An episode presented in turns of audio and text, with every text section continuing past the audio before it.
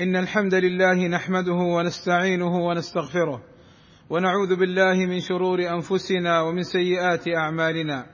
من يهده الله فلا مضل له ومن يضلل فلا هادي له. وأشهد أن لا إله إلا الله وحده لا شريك له. وأشهد أن محمدا عبده ورسوله. يا أيها الذين آمنوا اتقوا الله حق تقاته ولا تموتن إلا وأنتم مسلمون. يا أيها الذين آمنوا اتقوا الله وقولوا قولا سديدا. يصلح لكم أعمالكم ويغفر لكم ذنوبكم. ومن يطع الله ورسوله فقد فاز فوزا عظيما. ألا وإن أصدق الكلام كلام الله وخير الهدي هدي محمد صلى الله عليه وسلم وشر الأمور محدثاتها وكل محدثة بدعة وكل بدعة ضلالة وكل ضلالة في النار. أما بعد فاتقوا الله عباد الله حق التقوى وراقبوه في السر والنجوى عباد الله. هناك بعض الأمور يمتنع عنها الصائم يظن أنها تفسد صيامه أو أنها تؤثر فيه فتنقص أجره وهي في الحقيقة يجوز فعلها ولا تنقص أجر صيامه فضلا أن تبطل صيامه أو أن تفسده.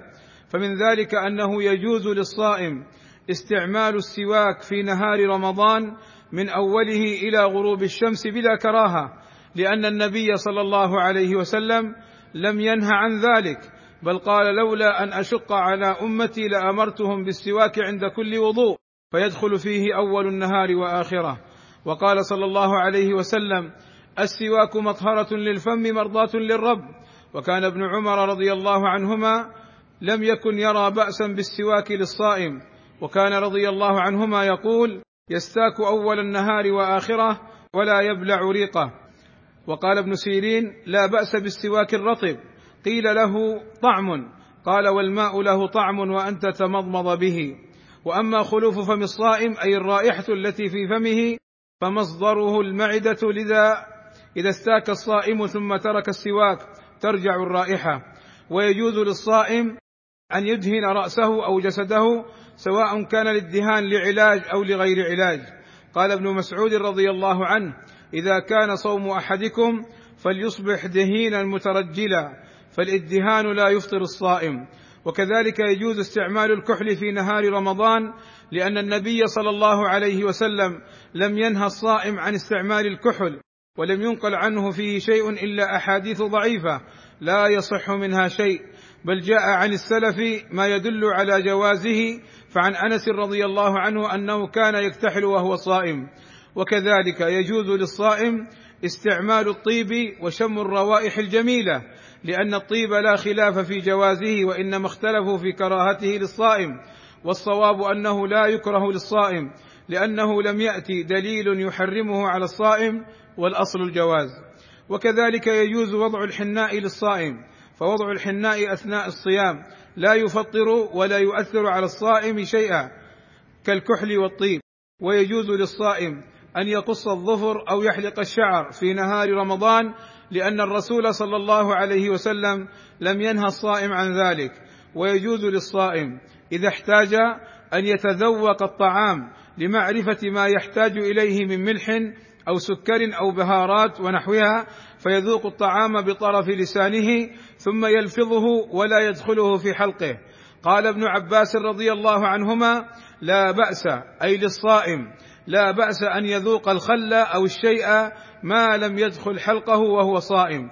والله أسأل أن يجنبني وإياكم الخطأ والزلل والفتن ما ظهر منها وما بطن وأن يغفر لنا الذنوب والآثام والزلات إنه سميع قريب مجيب الدعوات.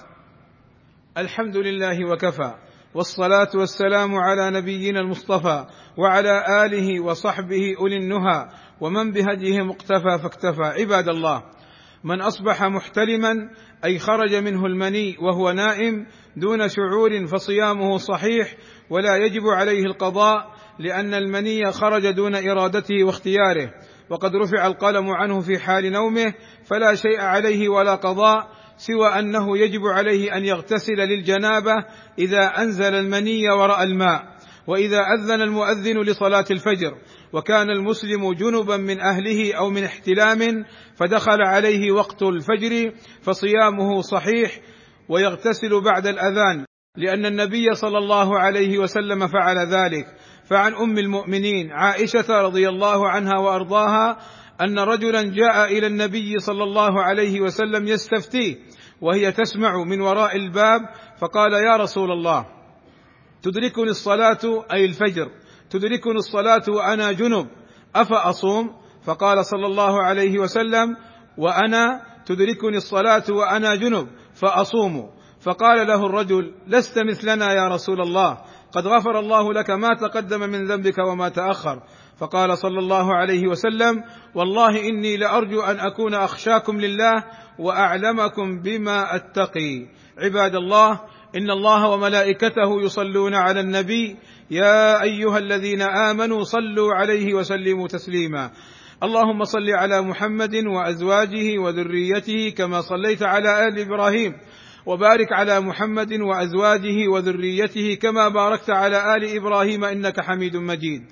وارض اللهم عن الخلفاء الراشدين أبي بكر وعمر وعثمان وعلي وعن جميع أصحاب النبي صلى الله عليه وسلم وعن التابعين لهم بإحسان وعنا معهم بمنك وكرمك يا أكرم الأكرمين. اللهم آتنا في الدنيا حسنة وفي الآخرة حسنة وقنا عذاب النار. اللهم فرج همومنا واكشف كروبنا ويسر أمورنا. اللهم اغفر للمسلمين والمسلمات والمؤمنين والمؤمنات الأحياء منهم والأموات. اللهم إنا نسألك الهدى والتقى والعفاف والغنى.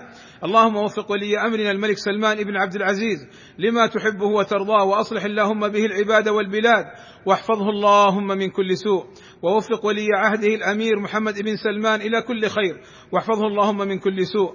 اللهم أيدهما بتأييدك ووفقهما بتوفيقك وأعز بهما الإسلام والمسلمين. وصلى الله وسلم على نبينا محمد وعلى آله وصحبه أجمعين والحمد لله رب العالمين.